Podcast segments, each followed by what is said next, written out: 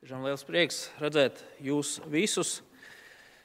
Ah, ceru, ka arī tie, kas ir pieslēgušies tiešraidē, arī mūs skaidri un ne tikai redz, bet arī dzird, kas ir pats svarīgākais. Nu, ko, šajā, šajā svētdienā, kā jau tas ir ierasts, manuprāt, šajā gadā mēs esam aicināti turpināt lasīt un pārdomāt kādu gabaliņu no Lūkas evaņģēlija.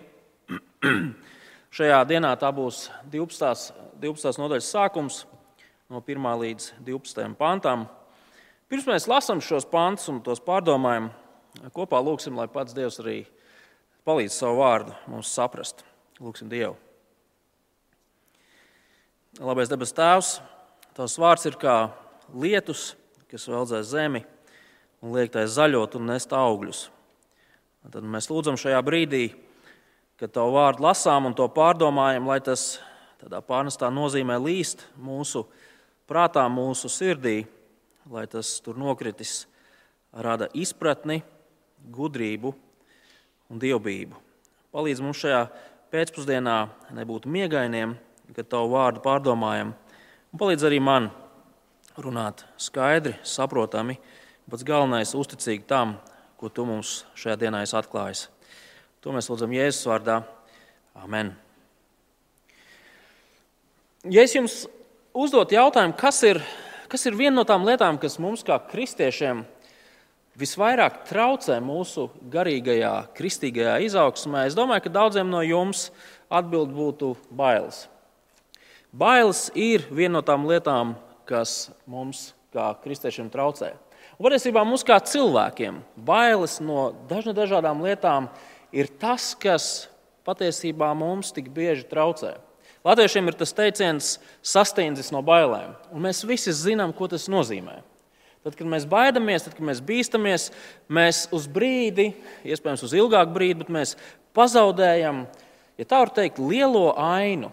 Mēs vairs nespējam uz lietām raudzīties tā, kā tās ir patiesībā. Bailēs mēs piedzīvojam kaut kādu paralīzi, sastingumu.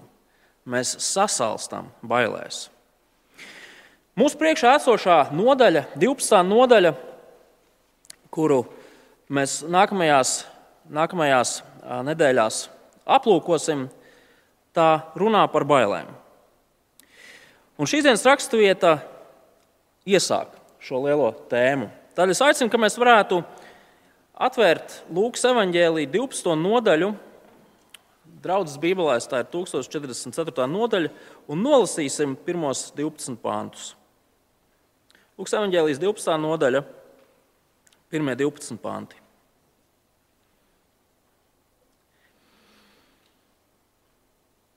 Kad sapulcējās tūkstošiem ļaužu, tā ka cits citu gandrīz vai sabradāja, viņš, tas ir Jēzus, sāka mācīt saviem mācekļiem. Piesargieties no farizēju auga, tas ir no liekulības.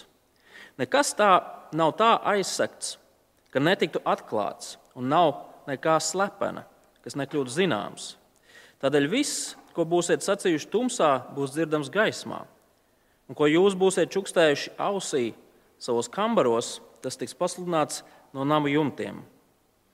Jums, saviem draugiem, es saku, nebīsties no tiem, kas nonāvē miesu, bet vairāk neko nespēj nodarīt. Bet es jums sacīšu, no kā jums būs bīties. Bīsties no tā, kam vara pēc nonāvēšanas jūs iemest ellē. Tiešām es jums saku, no tā bīsties. Vai piecus zvirbuļus nepārdod par diviem grašiem, un neviens no tiem nav aizmirsts Dievu priekšā? Arī visi jūsu galvas mati ir saskaitīti. Nebīsties, jūs esat vērtīgāki nekā daudz zvirbuļu. Bet es jums saku, ik vienu, kas apliecinās mani cilvēku priekšā, arī cilvēka dēls apliecinās Dievu eņģeļu priekšā. Bet kas mani nolieks cilvēku priekšā, tas taps noliegts Dieva eņģeļa priekšā. Un ikvienam, kas kādu vārdu sacīs pret cilvēku dēlu, tiks piedots, bet kas zemos svēto garu, tam netiks piedots. Kad jūs vedīsiet sinagogās un valdnieku un varu no priekšā, nesiet norūpējušies par to, ko, kā jūs aizstāvēsieties vai ko sacīsiet. Svētais gars pamācīs jūs tajā stundā, kas ir sakāms. Tā kunga vārds. Bailes un uztraukumi. Ceru, ka lasot, jūs jau pamanījāt arī šajā raksturvietā, ka bailes ir viena no tēmām, ko Jēzus ļoti spilgti izceļ. 4. pāns - nebaidieties, 7. pāns - nebīsties, 11. pāns - nesiet norūpējušies. Ja mēs lasītu tālāk, 22. pantā - nezūdieties, jeb neuztraucieties. 26. pantā - kādēļ jūs uztraucaties? 29. pantā - neraizējieties, 32. pantā - nebīsties. Bailes un uztraukumi ir daļa no mūsu kristīgās dzīves realitātes. Un Jēzus, uzrunājot savus mācekļus, grib pateikt vienu otru svarīgu lietu cilvēkiem, kas sev sauc par kristiešiem, bet piedzīvo bailes.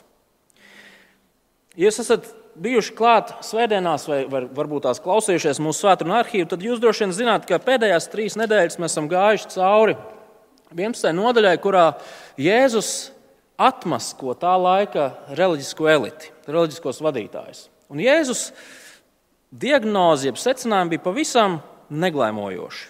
Viņš viņus nosauca par ļauniem cilvēkiem, kuri liekulīgi, āršķirīgi izrādījās svēti, dievbijīgi, tāpat laikā savā sirdī perinot mankārības un ļaunuma pilnas domas. Un pie kā noveda šādas šādas āršķirīgas reliģijas atmaskošana. Pie tā, ko mēs varam lasīt 11. nodaļas izskaņā. Ieskatieties kopā ar mani. 53. un 54. pāns. Kad viņš no turienes aizgāja, rakstu mācītāji un farizēji sāka viņam neganti uzbrukt ar uzbāzīgiem jautājumiem.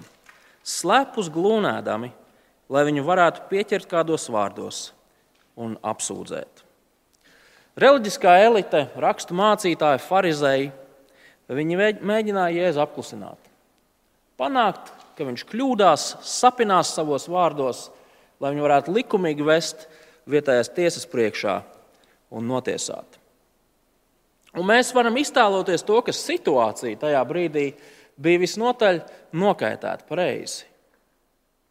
Tā bija kā, tā, kā tāda bumba ar laika degli. Rakstu mācītāji Pharizēji tie bija sabiedrības krējums. Tie bija slavenie un ietekmīgie, varanie pilsoņi. Tu nevarēji tā vienkārši nokritizēt viņus, atmaskot viņus un cerēt, ka nekas slikts ar tevi nenotiks. Un šajā uzlādētajā atmosfērā Jēzus uzrunā savus mācekļus. Sākot ar 12. nodaļas pirmo pantu. Jēzus tiem saka, piesargieties no farizēju auga. Tas ir liekulības. Nekas nav tā aizsakts, ka netiktu atklāts. Un nav nekā slepena, kas nekļūtu zināms. Tādēļ viss, ko būsiet sacījuši tumsā, būs dzirdams gaismā. Un ko jūs būsiet čukstējuši ausī savos kambaros, tas tiks pasludināts no nama jumtiem. Draugi, Jēzus šajā raksturvietā vēlas, lai viņa mācekļi būtu drosmīgi runāt par savu ticību un izdzīvot savu ticību sabiedrībā. Un, un brīnot no liekulības, ja es pasaku vienu lietu, neesiet kā aktieri. Vārds liekulis grieķu valodā nozīmē aktieris. Tas ir cilvēks, kurš uzliek masku, kurš domā vienu lietu, bet saka citu kurš tic vienai lietai, bet rīkojas pilnīgi citādi. Būt liekulim nozīmē nerīkoties saskaņā ar savu pārliecību, ar savu dziļāko ticību.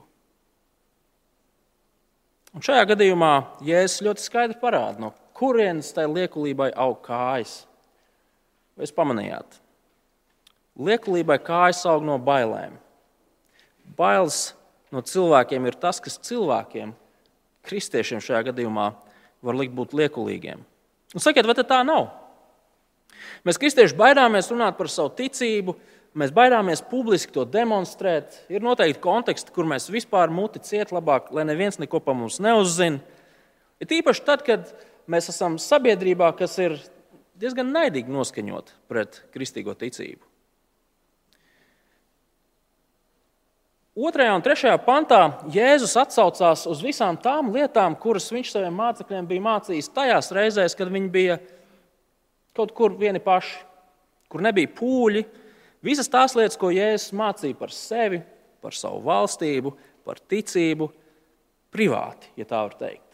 Un tas, ko Jēzus saka šiem mācekļiem, draugi, viss tas, ko mēs ar jums esam runājuši, jums būs jāmāca tālāk. Tās ir lietas, kuras nevar palikt tikai pie jums. Tām ir jābūt lietām, kā Jēzus saka, kas tiek pasludināts no māju jumtiem. Un tas mūs novada pie šīs raksturvietas lielās spriedzes, jeb problēmas. Mēs jau redzējām, ka farizēji un, un valdošā elite mēģināja Jēzu noķert kaut kādās savās lamatās, lai viņi varētu vest tiesas priekšā pareizi. Bet viņi neapstājās tikai pie Jēzus. Arī viņas sekotājiem neklājās vieglāk. Atrasties farizēju un rakstu mācītāju melnajās grāmatiņās, tajos melnajos blociņos, bija biedējoši. Kāpēc? Tāpēc, ka šiem cilvēkiem bija ietekme. Viņi varēja sabojāt tavu dzīvi, viņi varēja sabojāt tavu karjeru, viņi varēja panākt to, ka tu tiec izslēgts no sinagogas, izslēgts no jūdu kopienas, ka tu tiec vajāts. Un šīs dienas raksturvietas noslēgumā, 11. un 12. pantā, Jēzus ļoti skaidri pasakā, draugi, jūs vedīs tiesas priekšā. Nelolojiet nekādas ilūzijas. Un visā tajā Jēzus saviem mācekļiem saka, nēsiet liekuļi, neliekuļojiet un nebaidieties no cilvēkiem. Esiet drosmīgi, stāstot un izdzīvojot savu ticību, pat naidīgā sabiedrībā. Un skaidrs, ka tā ir viena no lietām, kuru arī mēs, kā kristieši, gribam mācīties. Tā ir viena no jomām, kurām mēs gribam augt. Mēs gribam būt drosmīgāki. Pareiz. Mēs gribam būt tādi, kas spēj pateikt īstās lietas, nenoraustoties, kas spēj dzīvot saskaņā ar to, kam mēs ticam. Kas kristieti pasargās no bailēm? Kas kristietim palīdzēs nebūt liekulim? Kas kristietim palīdzēs skaidri paust to, kam viņš tic, Neatkarīgi no tā, kādos apstākļos viņš atrodas. Jēzus šajā rakstvietā saka, četras lietas. Jums ir jāzina četras lietas, un tās jums palīdzēs. Kāds komentārs teica, ka tas ir kā zāles. Četru veidu zāles, kuras kristiešiem ir jālieto regulāri, lai stiprinātu savu ticību un lai nebaidoties no cilvēkiem, varētu šo ticību arī izdzīvot. Tad nu, aplūkosim, kas ir šīs četras zināšanas, jeb četras lietas, kas kristiešiem ir jāzina. Kas ir šīs četras zāles, kuras mums palīdzēs būt drosmīgākiem, palīdzēs nobriest. Pirmās zāles ir bīsties no dieva. 4. un 5. pāns. Vēlreiz izlasīsim. Jums, saviem draugiem, es saku, nebīsties no tiem, kas nonāvē miesu, bet vairāk neko nespēja nodarīt. Bet es jums sacīšu, no kā jums būs bīsties. Bīstieties no tā, kam vara pēc nonāvēšanas jūs iemest ellē. Tiešām es jums saku, no tā bīstieties. Interesanti, ka mācot savus mācekļus, nebīties, Jēzus nesaka, nebīsties. Ne? Jēzus saka, bīsties. Bailes pašas par sevi nav nekas slikts vai nepareizs. Bailes ir vajadzīgas. Bailes ir tas, kas mūs pasargā no stulbas nāves, ja tā var teikt. Bailes ir tas, kas cilvēku pasargā no briesmām. Starp bezbailību ir kaut kas tāds, ko mēs cildinām bieži vien, bet starp bezbailību un muļķību ir diezgan trausla robeža. Ir bailes, kas ir labas bailes. Svarīgi, ka mēs baidāmies no īstās lietas, pareizi. Ja es saku, nebaidieties no cilvēkiem, bet baidieties no Dieva. Kas ir sliktākais, ko cilvēks tev var izdarīt? Nogalināt. Jēzus, no Jēzus mutes šie vārdi skan tā kā nieks vien ir, vai ne? Skaidrs, ka tas mums izklausās biedējoši, tas mums izklausās pat šokējoši. Bet tas, ko Jēzus saka, draugi, pat mokoša nāve, ko cilvēki jums var piespriest, nav viss sliktākais, kas ar cilvēku var notikt. Tas nav pats bailīgākais, kas ar cilvēku var notikt. Tā vietā, lai bītos no cilvēkiem, kas jums var ļaunu nodarīt, viņš saviem mācekļiem saka, bīsties no tā, kas jūs var iemest ellē. Baidieties no tā, kurš cilvēku var notiesāt, kurš cilvēku var iemest ellē pēc tam, kad cilvēks ir nomiris. Baidieties no tā, kurš var noteikt to, kas cilvēkus sagaida mūžībā. Jēzus teiktais ir skaidrs. Lielākās bailes aizdzen prom mazākās bailes. Bailes no adatas, kas tiek iedurta vēnā, lai paņemtu puslitru asiņu analīzēm, aizbēg tajā brīdī, kad mēs sākam baidīties par iespējami ļoti nopietnu slimību, kura mums ir jārastē.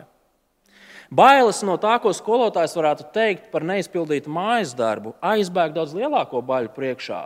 Bailēm no tā, ko mamma vai tēvs teiks par neizpildītu mājas darbu. Bailēm no tā, ka es varētu slikti izskatīties savu draugu priekšā, šīs bailes aizbēg daudz lielāku baļu priekšā. Tad, kad tev skrien pretī rejošs un putojošs mutis suns, tad nav svarīgi, ko mūsu draugi saka par to, ka mēs esam staba galā. Lielākās bailes aizved prom mazākās bailes. Bailes no cilvēkiem tiek aizdītas prom, tad, kad mēs bīstamies no Dieva. Ja bailes no cilvēkiem ir sliktas bailes, tad bailes no Dieva, ja bība no Dieva, ir labas un pareizas bailes. Šeit gan būtu svarīgi novērst varbūt kādu pārpratumu, kas var tā ātri lasot rasties. Jēzus šeit nerunā par to, ka mums, kā kristiešiem, ir jābūt paniskām bailēm no Dieva. Ziniet, Dievs sēž kaut kur savos debesu augstumos un skatās uz mūsu kājām, vai tās nepaslīd liekulības virzienā. Un tad viņš izvelk kārtas, kuras ir rakstīts uz elitu draugs dodies. Tas nav tas, par ko Jēzus šeit runā.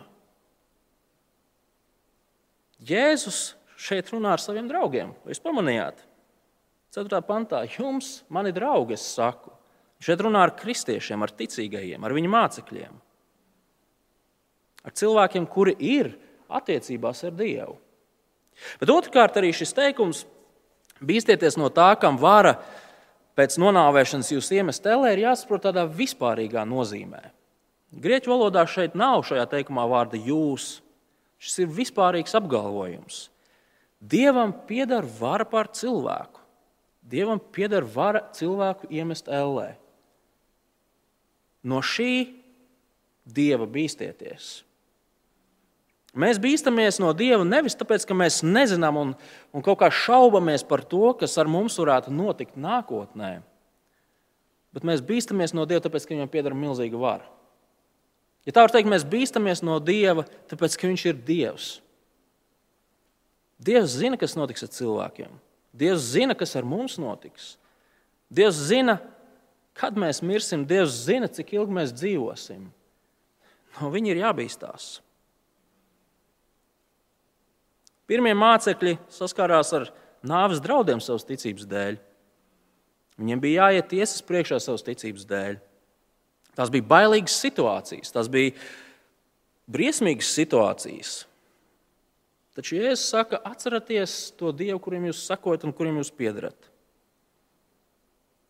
Mūsu Dievs spriedīs tiesu par visiem tiem, kas vajā viņu un viņa ļaudis.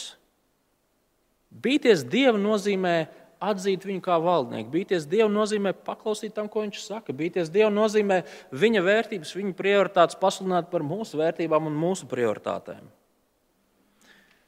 Cilvēki arī mūs var apcelt. Es nezinu, vai šajā brīdī mēs Latvijā varam baidīties no tā, ka mūsu savas ticības dēļ vedīs tiesas priekšā, bet skaidrs, ka cilvēki mūs var apcelt, ķircināt, ķengāt, nomalnot. Iespējams, kāds savas ticības dēļ ir spiests ciest savā darba vietā vai skolā, attiecībās ar ģimenes locekļiem. Tā ir realitāte, kurā mēs dzīvojam. Ir tādas vietas pasaulē, kur kristieši joprojām fiziski cieš savas ticības dēļ.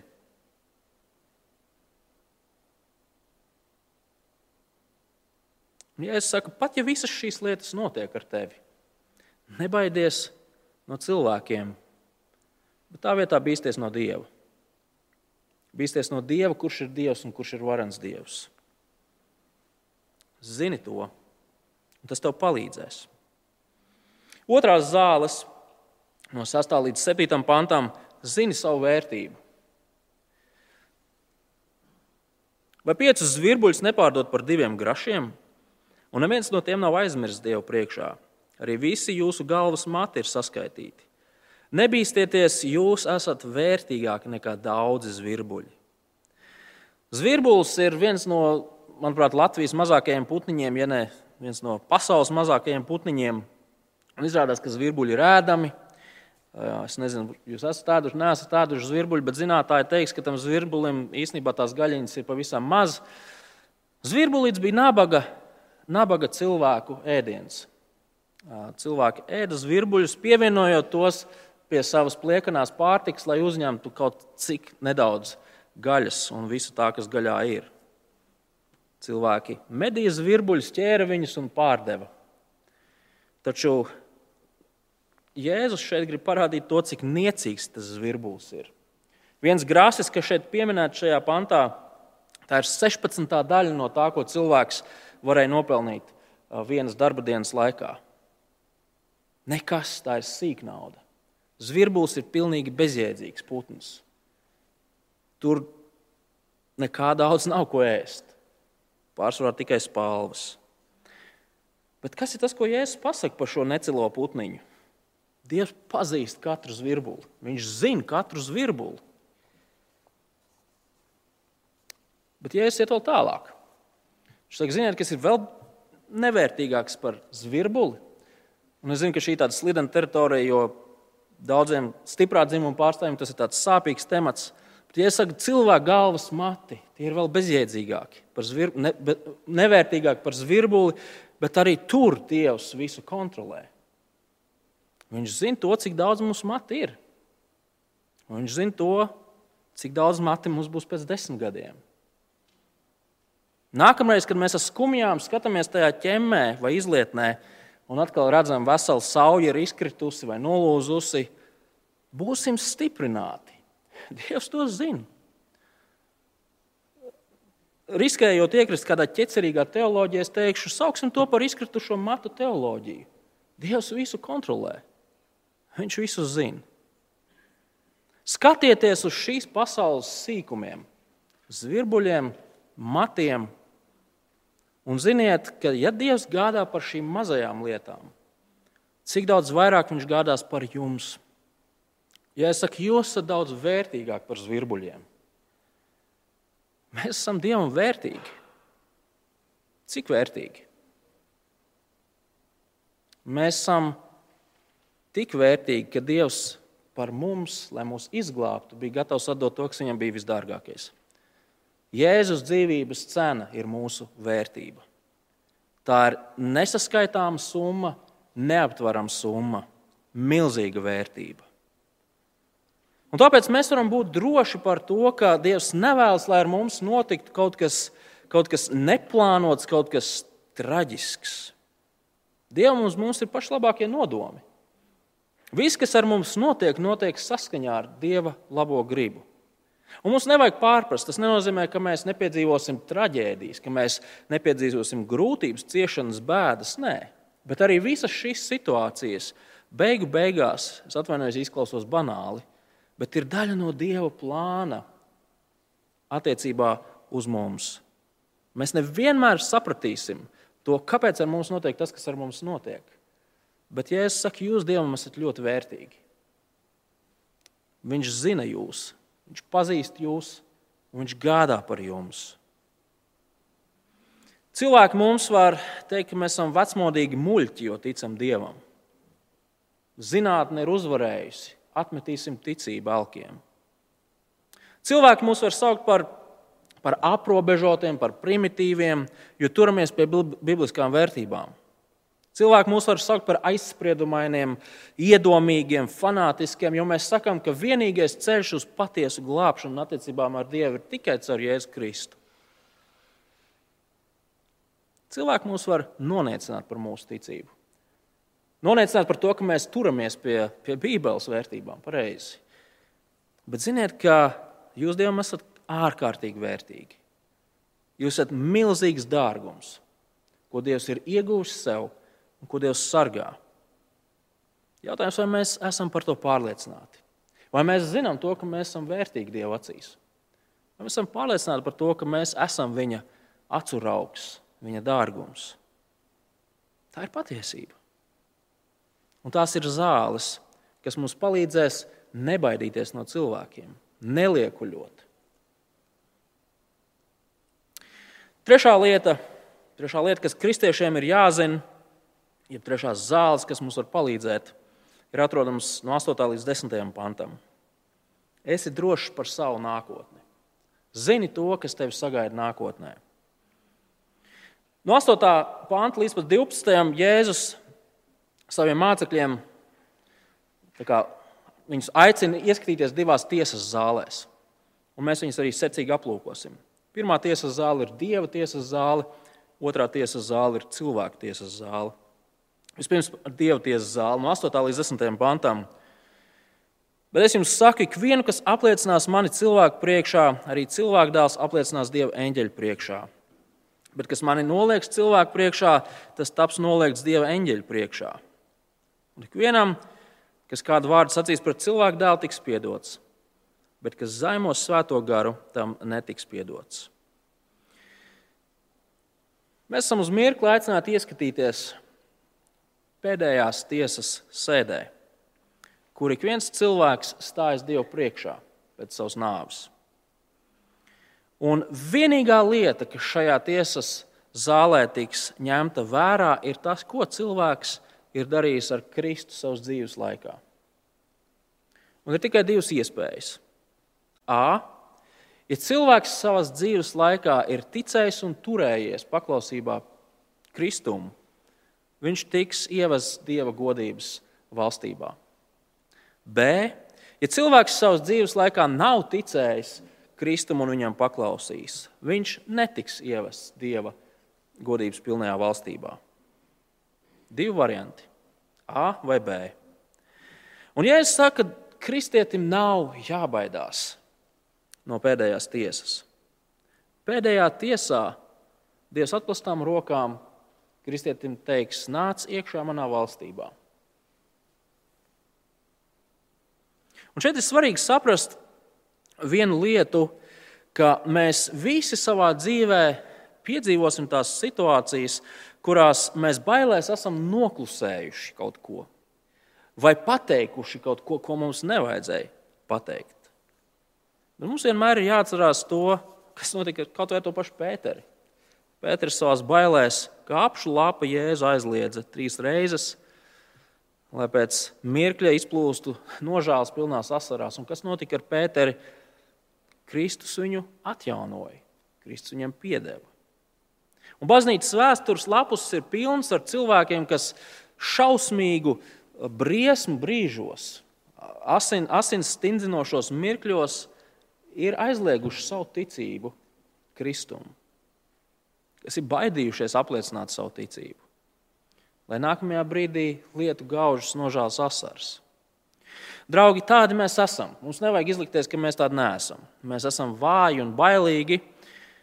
Taču tā patiesība ir tāda, ja mēs turamies pie Kristus, un tajos brīžos, kad mēs aizskrienam kaut kur prom no Kristus, mēs tomēr valkamies pie viņa atpakaļ, grēku nožēlā, Kristus mums saka, ka cilvēka dēls apliecinās to Dieva eņģeļu priekšā. Dieva valstība pieder šādiem cilvēkiem. Un lai šie vārdi mūs stiprina, lai tie mūs iedvesmo, lai tie mums palīdz ar lielāku drosmi un, un dedzību izdzīvot savu ticību šajā pasaulē. Mēs varam būt droši par to, kas mūs sagaida nākotnē, ja mēs ticam Kristum un viņu apliecinām.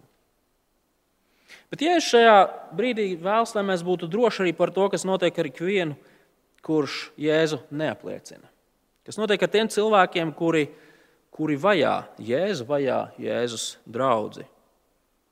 Beig beigās šādi cilvēki saņems savu pelnīto sodu. Uz brīdi es gribu pakavēties pie desmitā panta, jo, manuprāt, šis pants brīžiem ir pārprasts un nesaprasts. Un tādēļ vislabākais veids, kā šo pantu saprast, ir aplūkot plašākā kontekstā. Ja plašākais konteksts palīdz saprast to, ko nozīmē tādas frāzes kā um, zaimot svēto garu, tam netiks piedots. Ko tas viss nozīmē? Konteksts, kurā šis pants atrodas, ir šī sadaļa, kurai mēs jau ejam cauri vairākas, vairākas nedēļas. Šajā sadaļā Jēzus sludina uh, Dieva valstības evaņģēliju un mudina kristi, cilvēkus nožēlot savus grēkus un atgriezties pie Dieva. Tas ir tas, kas notiek šajā sadaļā. Ticēt tam, ka Jēzus ir Dieva apsolītais valdnieks, pieņemt viņu, sakot viņa vārdiem. Un sastopoties ar Jēzu, viņa personu, viņa mācību, viņa darbiem, cilvēkiem, protams, ir nepieciešams laiks, lai to visu pārdomātu, lai to visu apsmadzeņotu. Un šajā brīdī cilvēki par Jēzu var visu kaut ko teikt. Cilvēki var, var ignorēt, cilvēki var pasmīkņāt, cilvēki var teikt, vai tad no Galilejas var nākt kaut kas labs, un daudzas citas lietas.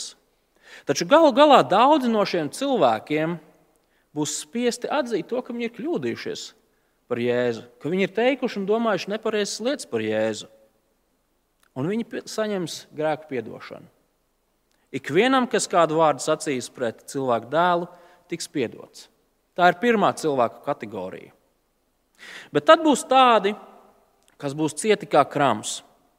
Viņi prasīs zīmes un pierādījumus, bet jau iepriekš savā sirdī būs nolēmuši, ka neviena zīme un pierādījuma nemainīs viņu nostāju attiecībā uz Jēzu. Ja mēs nevarēsim kaut ko izskaidrot, teiksim, ka Jēzus ir dēmona apsēsts, ka Jēzus ir vēlna kalps. Āršķirīgi šie cilvēki izrādās uh, citu priekšā kā dievbijīgi, svēti, morāli taisni, taču sirdīs viņi perina ļaunas domas par to, kā Jēzu novākt, kā viņu nogalināt, kā viņu aizbāzt viņam mutī. Tad, nu, lūk, šāda absolūta, apzināta, aktīva, stūrgalvīga nevēlēšanās dzirdēt Jēzus vārdus un atgriezties no grēkiem ir svētā gara zaimošana. Un galu galā, ja mēs raugamies uz Bībeli kopumā, tad kas ir tā viena vienīgā lieta, kas cilvēku novada tur, kur viņš nonāk dzīves beigās, Ellē? neticība. Neticība tam, ka Jēzus ir Dieva sūtītais valdnieks. Apzināta, stūrgalvīga, aktīva neticība. Un tas ir tas, ko mēs esam redzējuši šeit. Tas ir tas, ko mēs esam redzējuši 11. nodaļā. Šie reliģiozie cilvēki ir šī otrā grupa, par ko Jēzus runā. Tad Jēzus sakotā var būt drošs par to, kas viņus sagaida nākotnē. Un tāpat viņa Tāpat viņi var būt droši par to, kas sagaida nākotnē tos, kas šajā brīdī viņus vajā, kas viņus apspiež. Šajā brīdī vēl viena, vēl viena svarīga piebilde. Proti, tas, ka nav mūsu ziņā zināt to, kuriem cilvēkiem Dievs nepiedos. Mēs, mēs to nevaram zināt. Mēs nevaram zināt to, kuri cilvēki saņems Dieva taisnīgo sodu. Mūsu aicinājums ir sludināt pilnīgi visiem cilvēkiem Kristus evaņģēlīju. Un mēs visi zinām to, ka Dieva žēlstība ir ļoti pārsteidzoša. Viņš var izglābt pat vislielākos ļaundarus. Viņš var atdzīvināt pat viscietākās sirdis. Apostuļu darbos ir viens vīrs, kurš ir milzīgs piemērs tam. Sauls, kristiešu vajātājs, draudzes vajātājs. Viņam bija prieks par to, ka kristieši tika mesti cietumā, Viņš pats pie tā pielika savu roku, bet Dievs viņu izglāba. Dievs mainīja viņa dzīvi. Tādēļ nebaidīsimies pasludināt evaņģēlīju vislielākajiem ciniķiem. Un neizdarīsim priekšlaicīgus spriedumus. Visticamāk, viņš dosies uz elli. Tas mums nav zināms. Mūsu pienākums ir sludināt no māju jumtiem arī skeptiķiem un cietsiržiem. Kas mums palīdzēs būt drosmīgiem? Kas mūs pasargās no tā, ka kļūstam liekulīgi?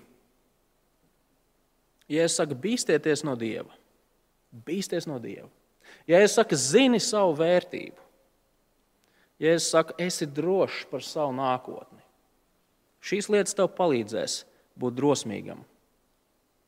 Un tas mūs novada pie pēdējām zālēm, pie ceturtajām. Nē, norūpējies, jo Dievs ir ar tevi. 11. un 12. pants. Šajos divos pantos Jēzus burtiski apraksta to, kas mācekļus sagaida netik tālā nākotnē. Skatieties, Kad jūs vedīsiet sinagogās un valdnieku un varano priekšā, neesiet norūpējušies par to, kā jūs aizstāvēsieties vai ko sacīsiet. Svētais gars pamācīs jūs tajā stundā, kas ir sakāms. Pharizēji un rakstu mācītāji gribēja Jēzu vest tiesas priekšā. Un tieši tas pats - tiesa ir tas, kas sagaida Jēzus sekotājus. Kad tas notiks, nebaidieties. Kāpēc? Tāpēc, ka Dievs būs kopā ar jums. Jēzus šeit runā par laiku, kad viņš fiziski vairs nebūs klātesošs saviem mācekļiem, saviem draugiem. Bet viņi nepaliks vieni. Kāpēc? Tāpēc, ka Jēzus sola dot savu garu. Jēzus būs klātesošs ar mācekļiem caur savu garu. Un gars būs tas, kurš stiprinās kristieti, kurš ir nonācis grūtībās, kurš ir nonācis tiesas priekšā. Gars būs tas, kurš palīdzēs pateikt īstos vārdus īstajā brīdī vai paklusēt īstajā brīdī. Un šāda kristiešu vešana tiesas priekšā ir daļa no kristīgās baznīcas vēstures, no pirmajām lapusēm līdz pat mūsdienām. Kad mēs ar ģimeni divus gadus dzīvojam Londonā, manā Bībeles studiju grupiņā bija kāds jauns vīrietis, kurš bija piedzīvojis tieši šo, kas te ir aprakstīts. Viņš nedrīkstēja atgriezties vairs savā dzimtenē. Viņš bija nevēlamā persona. Viņa ģimene bija nosvinējusi bērns tikai tādēļ, vien, ka viņš bija kļuvis par kristieti. Un esot Londonā uz dievkalpojumu, viņš katru reizi nāca pa citu ceļu, tāpēc ka kādi bija uzzinājuši, kur viņš dzīvo un gribēja ar viņu izreikināties. Draugi, tā ir realitāte ne tikai kaut kur tālajos austrumos vai Āfrikas valstīs, bet arī rietumos. Daudzi cilvēki maksā ļoti daudz par to, ka viņi sako Kristum. Bet šis vīrs, viņš bezbailīgi turpināja liecināt par Kristu saviem paziņām.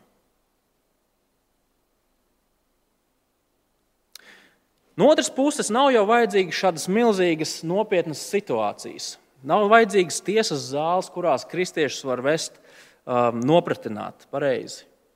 Mūsu visa ikdiena ir piepildīta ar tādām mini-tiesas sēdītēm, kurās cilvēki izdara spriedumu par mums, par mūsu ticību, par mūsu vērtībām, par mūsu prioritātēm, par to, kāpēc mēs darām to, ko mēs darām. Mēs visi nonākam situācijās, kurās mums ir jāskaidro tas, kam mēs ticam un kāpēc gal galā mēs ticam. Un šādās situācijās nevienmēr ir viegli. Pat sīkas situācijas var pārākt par kaut ko tādu, kas mums liek sarkt un bālēt, klusēt, elst un pūst, minstināties un šaubīties. Lai kāda nebūtu mūsu apstākļi un situācijas, Mums nevajag baidīties. Jēzus saka, mans gars būs kopā ar kristiešiem. Mans gars būs kopā ar ikvienu, kurš man apliecina. Un no sarunām ar jums, ar daudziem no jums, es nereiz vien esmu dzirdējis frāzi, es nonācu tādā situācijā. Man bija kaut kas jāsaka, un es nezinu, kāpēc es pateicu to, ko es pateicu. Pārsteidzoši. Bet Dievs bieži vien mums dod īstos vārdus, tad, kad mums ir jāpastāv par savu ticību. Jēzus lieliski zina to, kas viņa mācekļus sagaidīs. Gan tos, kas dzīvoja 1. gadsimtā, gan tos, kas dzīvo 21. gadsimtā. Jēzus nav kaut kāds naivs romantiķis. Um, viņš zina, kādi mēs esam. Jēzus ir reālists. Bet tikpat reāli Jēzus zina, ka tie vārdi, ko viņš šajā brīdī dod saviem mācekļiem, ir īstā lieta, kas viņiem palīdzēs. Tad, kad viņiem būs bail, tad, kad viņi baidīsies no cilvēkiem, tad, kad viņi būs izjutīs kārdinājumu un vilinājumu būt liekuļiem, tādiem, kas tic Jēzum, bet ārēji izliekās citādāk. Jēzus zina, ka patiesība par Dievu, patiesība par to, cik vērtīgi mēs esam Dievam, patiesība par to, kas, ka mēs varam būt droši par savu nākotni. Un gal galā fakts, ka Dievs ir kopā ar mums, būs īstā lieta, kas mums palīdzēs pastāvēt bailēs un bailīgās situācijās, attiecībās ar cilvēkiem un, un sabiedrību, kurā mēs esam. Un tas mudinājums mums visiem šajā dienā ir domāt par šīm četrām zālēm. Lietot tās no rīta, vakarā, pusdienas laikā un pieskatīt, lai viens otrs mūsu vidū aizmāršīgais arī šīs zāles lietot. Lūksim Dievu! Labais dabas tēvs patiesi Jēzus ir Dieva, Dieva svaidītais valdnieks, pasaules glābējs, kurā ir rodama grēku piedošana, miers un izlīgums ar tevi.